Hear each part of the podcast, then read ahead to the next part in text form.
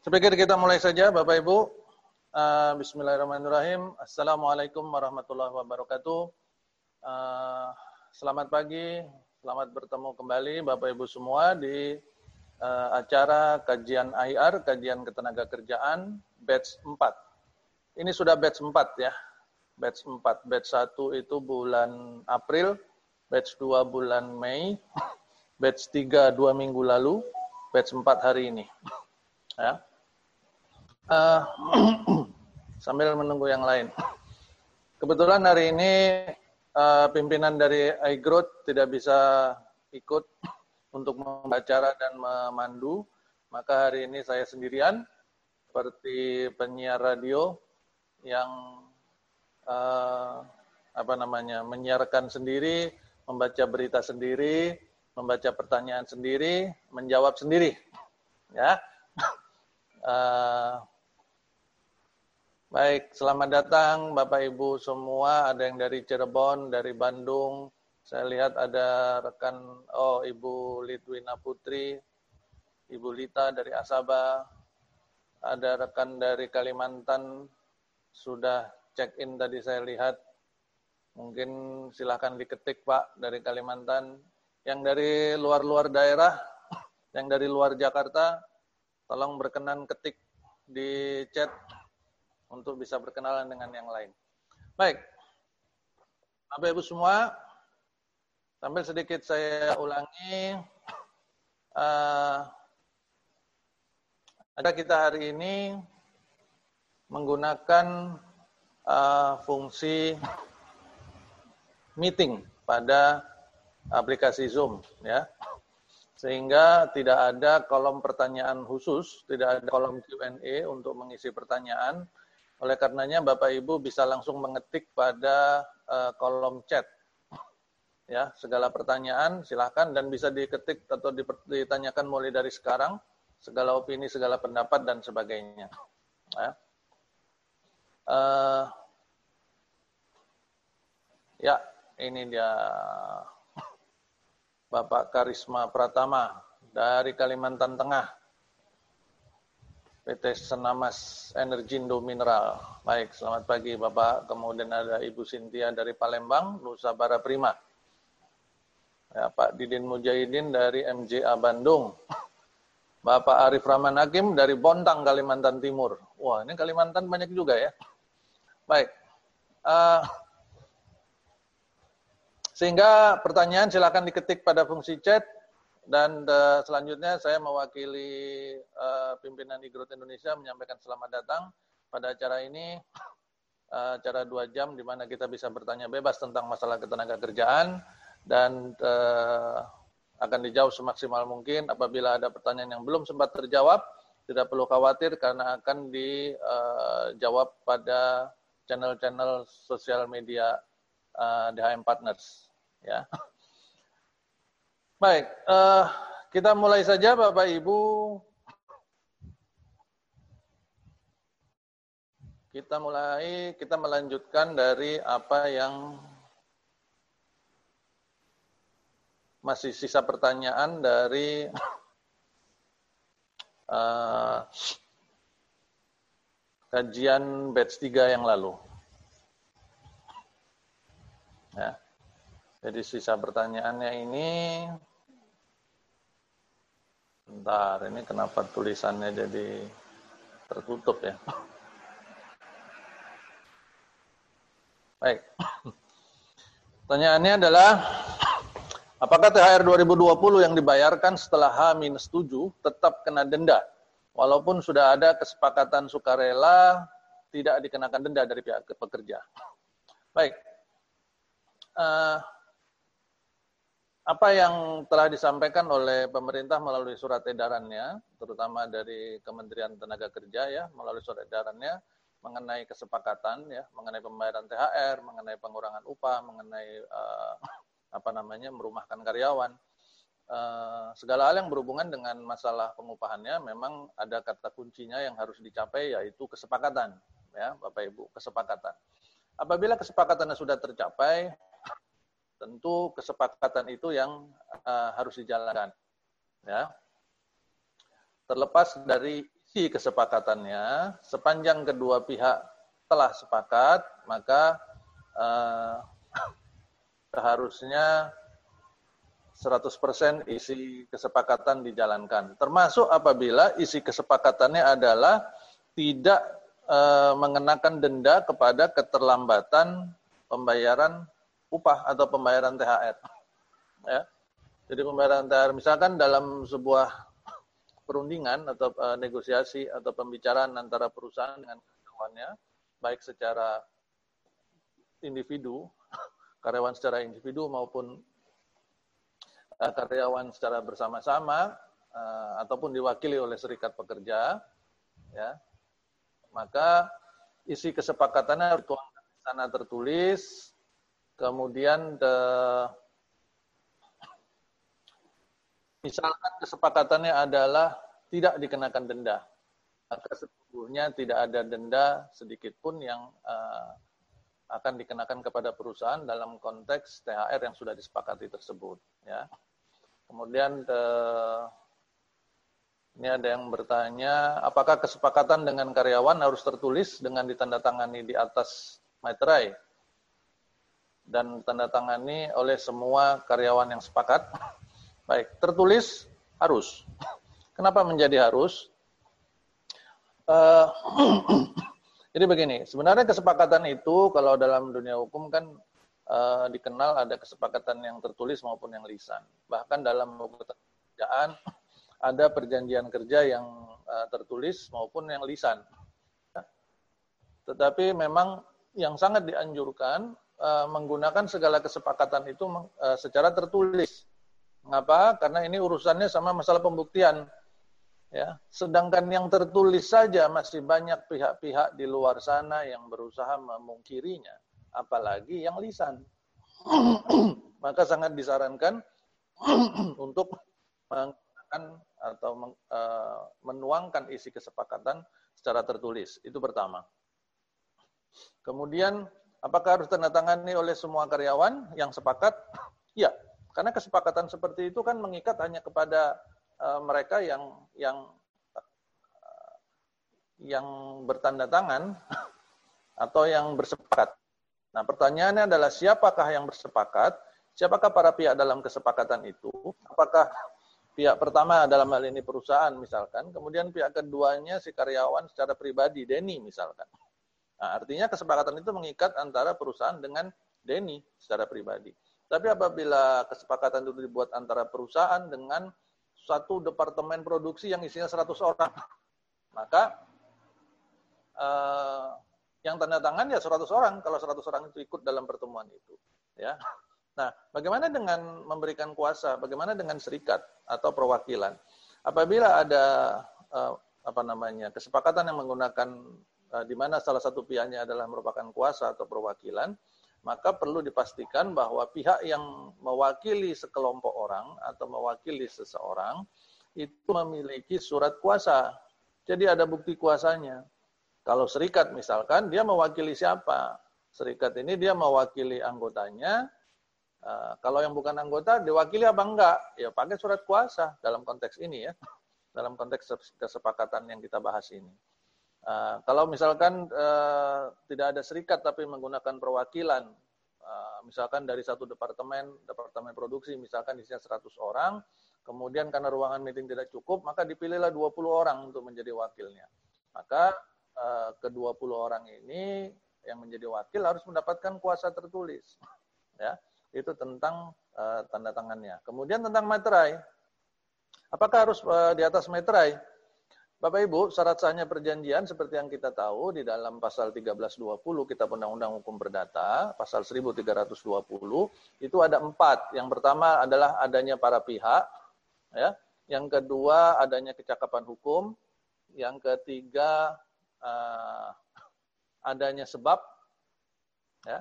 Kemudian yang keempat uh, objek yang halal, uh, uh, adanya objek dan yang keempat adalah sebab yang halal. Nah,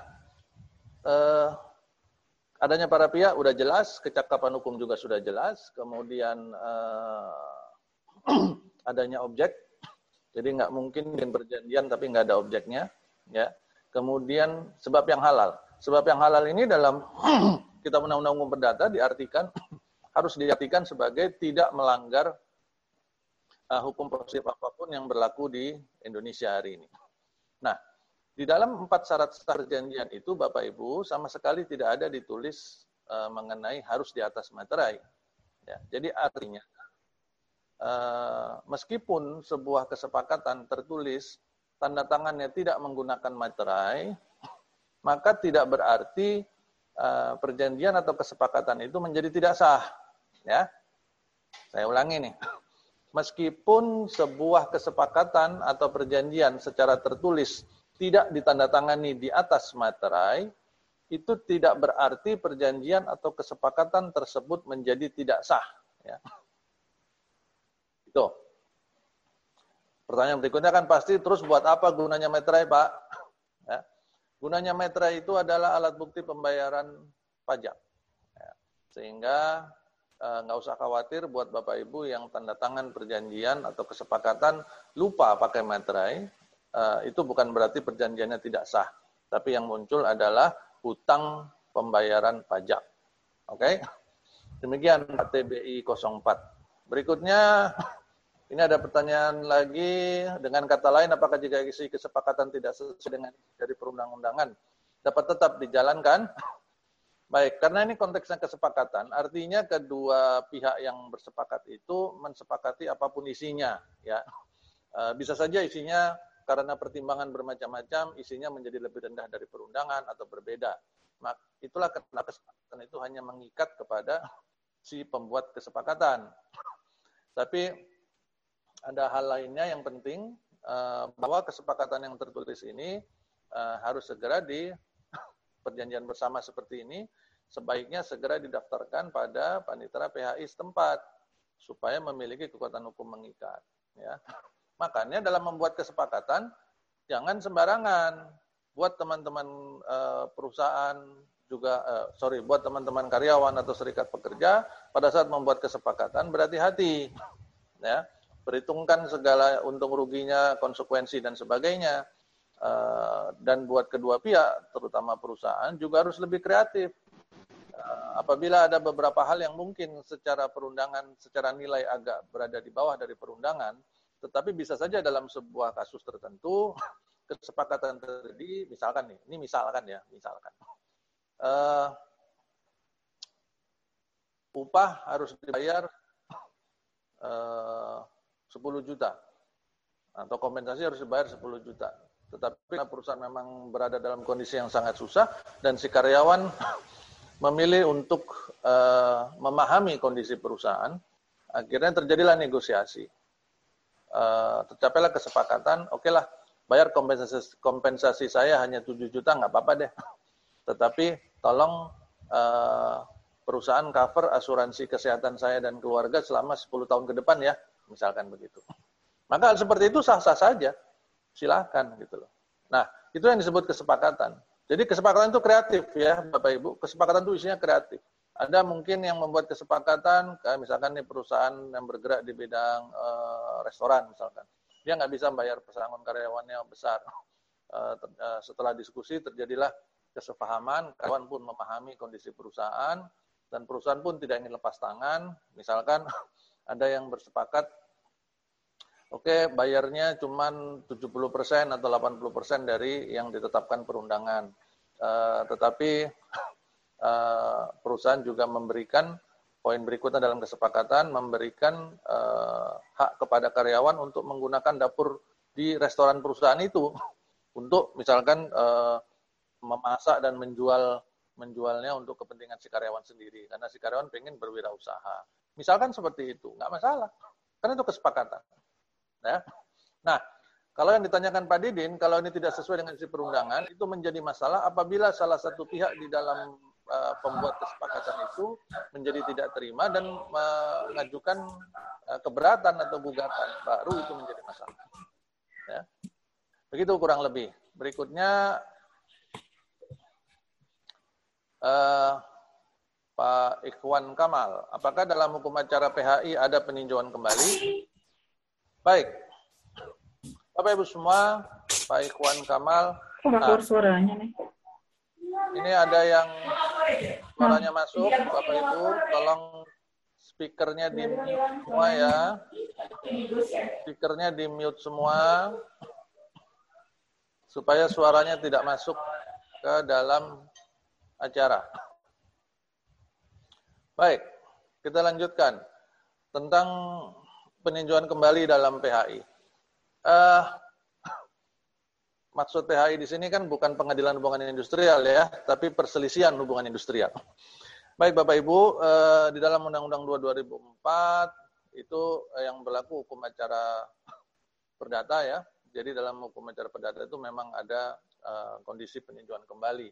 Selama ini juga memang ada, namun yang saya yang saya tahu, terakhir yang saya tahu itu sekitar akhir tahun 2018 kalau nggak salah, ada ada eh, apa namanya ya surat edaran ya dari Ketua Mahkamah Agung. Kalau tidak salah eh, namanya surat edaran ya.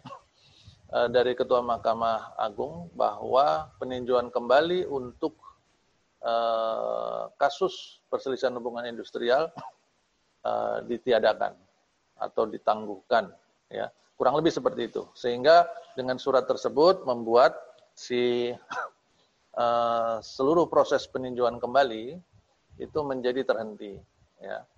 Hmm, untuk yang belum paham peninjauan kembali itu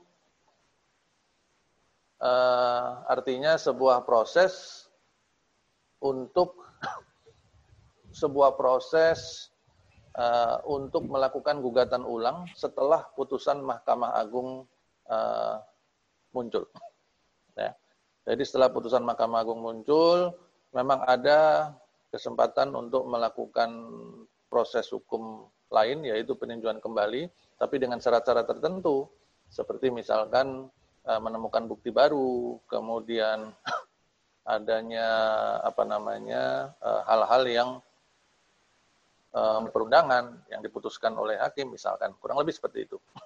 Ya. Uh, itu tentang pertanyaan pertama dari Pak Ikhwan Kamal. Kemudian kedua, jika putusan kasasi PHI dari MA sudah ada, tapi perusahaan belum membayarkan kompensasi PHK, apa yang harus dilakukan agar perusahaan membayar sesuai putusan Mahkamah Agung? permohonan eksekusi Pak Ikhwan. ya, permohonan eksekusi. Jadi uh, apabila putusannya sudah keluar dari Mahkamah Agung, sudah inkrah, sudah berkekuatan hukum tetap dan mengikat, maka uh, apabila perusahaan uh, belum juga menjalankan atau salah satu pihak belum juga menjalankan kewajibannya berdasarkan putusan Mahkamah Agung tersebut, maka uh, pihak yang merasa dirugikan atau pihak yang uh, menunggu prestasi dari pihak lawannya itu dapat mengajukan permohonan eksekusi melalui pengadilan negeri setempat ya. Melalui PHI setempat dalam hal ini baik berikutnya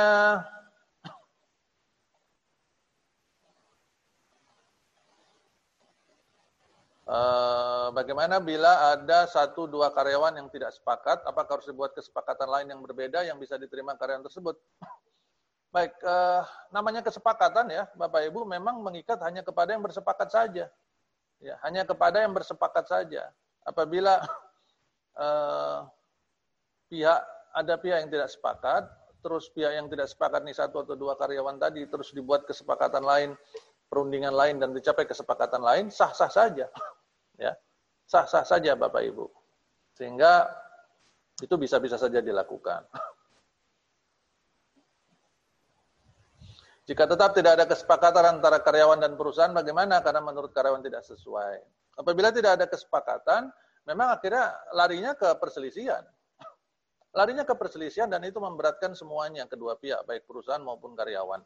Jadi saya berharap sebenarnya kedua-duanya eh, apa namanya sama-sama eh, memperhatikan atau mempertimbangkan dengan dengan matang ya tentang keputusannya untuk sepakat atau tidak sepakat.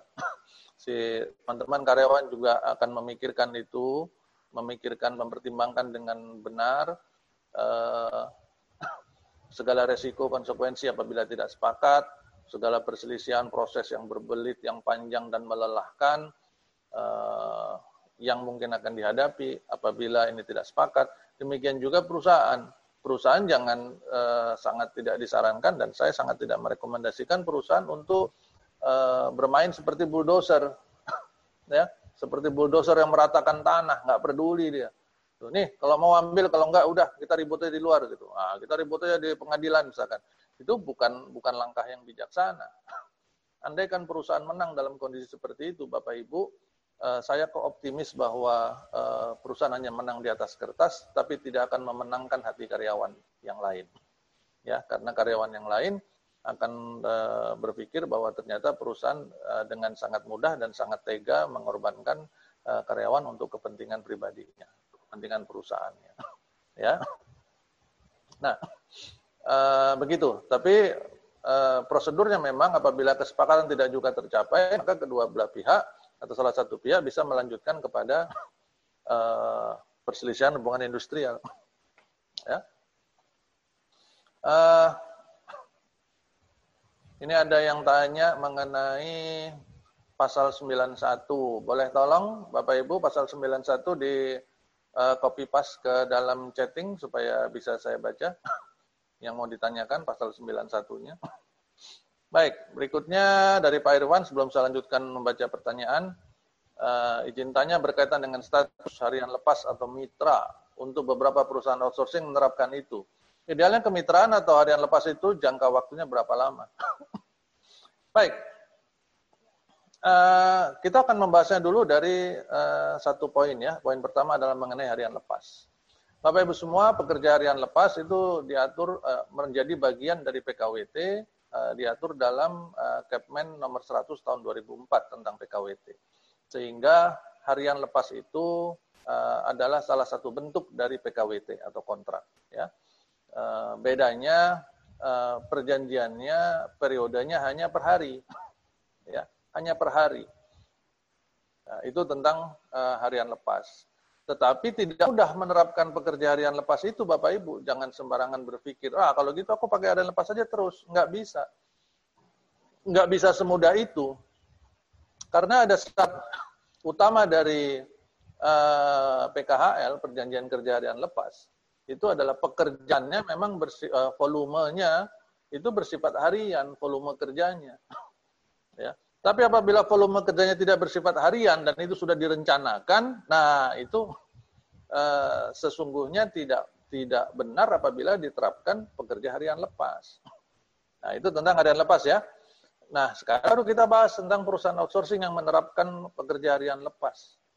Pertanyaannya, pekerjaan yang dilakukan oleh perusahaan outsourcing itu, ya, pekerjaan yang dilakukan oleh perusahaan outsourcing itu, mana dia tadi? Oh ini itu masuk kategori pekerjaan yang volume kerjanya per hari, berubah-ubah setiap hari, atau yang sudah direncanakan untuk jangka waktu tertentu. Kalau itu sudah direncanakan untuk jangka waktu tertentu, maka tentu tidak tepat apabila menggunakan sistem uh, pekerja harian lepas. Ya. Itu. Maka perlu digali dulu jenis pekerjaannya apa, pada perusahaan apa, jenis dan sifatnya itu apa sehingga bisa menjawab pertanyaan.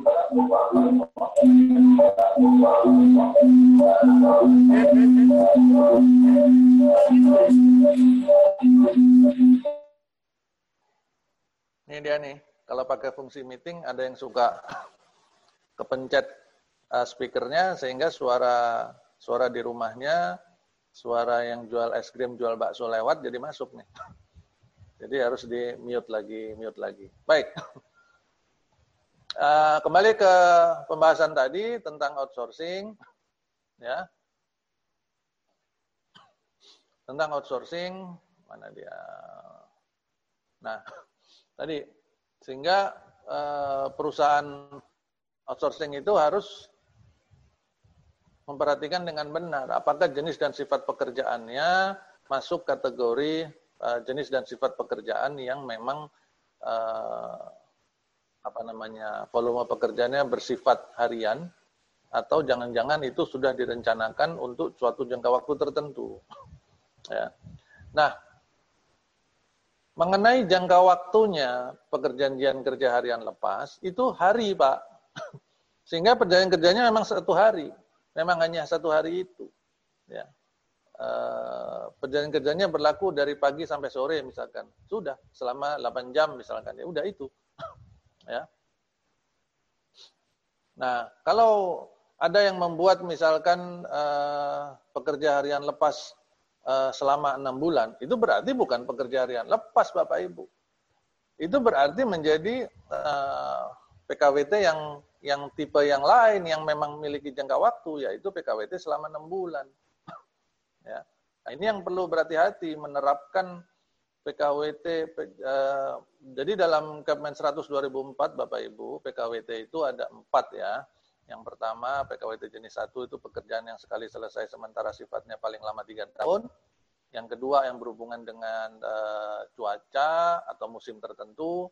Kemudian yang ketiga itu yang berhubungan dengan produk baru. Yang keempat itu harian lepas. ya. Jadi kalau harian lepas itu perjanjian kerjanya satu hari.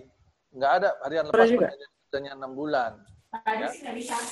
Dalam faktanya apabila uh, seorang karyawan pekerja harian lepas itu dipakai apa namanya selama enam bulan, apa ya gue? masalah. Tapi perjanjian kerjanya tetap per hari. Tuh. Tapi apabila uh, dalam perjanjian kerja harian lepasnya sudah diperjanjikan selama enam bulan, maka sesungguhnya perjanjian kerja harian lepas itu menjadi gugur karena yang berlaku menjadi perjanjian kerja uh, selama enam bulan atau kontrak selama enam bulan. Nah ini yang perlu uh, berhati-hati. ya, baik. Uh, nah, apakah perusahaan tersebut menabrak aturan? Namun dari salary, dari sisi salary tetap standar UMK. Sebenarnya untuk menentukan apakah ini menabrak aturan atau tidak dibutuhkan kajian yang lebih dalam, ya, uh, sehingga memang tidak hanya bisa uh, tidak hanya dengan uh, mendengar cerita seperti ini, kita perlu mengkaji, mempelajari, menganalisa segala dokumen dan fakta-fakta hukum yang berhubungan, baru kita bisa menentukan apakah ini menurut kita menjadi bertentangan dengan aturan atau tidak ya. Tetapi yang bisa saya sampaikan adalah secara umum seperti itu. Ya, buat uh, Bapak Ibu yang memang ingin tahu lebih dalam uh, tadi bisa mungkin berdiskusi atau berkonsultasi dengan uh, di senaker setempat atau menghubungi uh, kuasa hukum yang ada di sekitarnya yang bisa dipercaya atau menghubungi tim kami di DHM Partners untuk melakukan analisa lebih lanjut. Karena saya tidak berani memberikan justifikasi uh, terlalu cepat hanya dengan me, hanya dengan uh, apa namanya mendengar cerita saja tanpa mempelajari dokumen, ya. Demikian.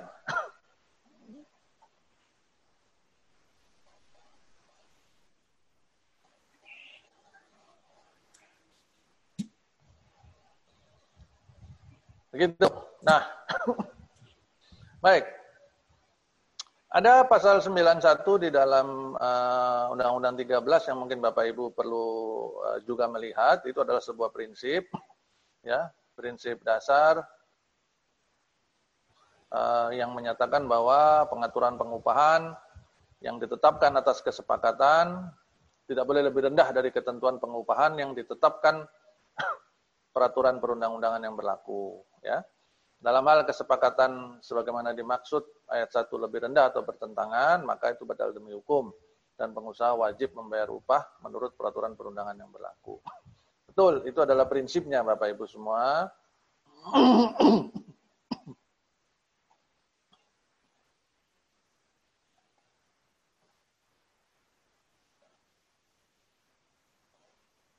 ya. Uh, itu adalah prinsip dasarnya. Namun memang uh, hal yang menarik adalah bahwa dalam uh, hukum ketenaga kerjaan ternyata juga dikenal adanya proses-proses uh, perundingan. Ya, apabila ada beberapa hal yang memang uh, sudah menjadi, misalkan begini, tadi contoh yang yang saya sebutkan, uh, apabila terjadi sebuah kesepakatan, uh, upah atau kompensasi yang harus dibayarkan senilai 10 juta. Tapi perusahaan itu terjadi kesepakatan dengan karyawan membayar hanya 7 juta, kemudian uh, tapi dengan hal yang uh, dengan hal lain, kesepakatan lain, misalkan uh, uh, premi kesehatan untuk karyawan dan keluarga ditanggung untuk 10 tahun ke depan, misalkan. Nah, pertanyaannya apakah ini lebih rendah atau tidak dari perundang-undangan? Nah, itu perlu dihitung kan? Karena uh, seharusnya dia pada tahun ini selesai hubungan kerja misalkan, 10 juta, hanya 10 juta saja selesai dan tidak ada manfaat-manfaat lain. Tetapi uh, karena uang apa namanya nilai secara cashnya menjadi berkurang karena sebab tertentu dan itu difahami oleh si karyawan, sanggup diterima oleh si karyawan. Tetapi uh, perusahaan juga memberikan uh, benefit atau manfaat lain yang uh, di luar dari perundang-undangan seperti premi kesehatannya untuk 10 tahun ke depan untuk dia dan keluarganya. Nah, uh, sehingga kita tidak serta-merta bisa menyatakan bahwa dari 10 juta ke 7 juta tadi itu pasti dianggap lebih rendah dari perundang-undangan. Ya.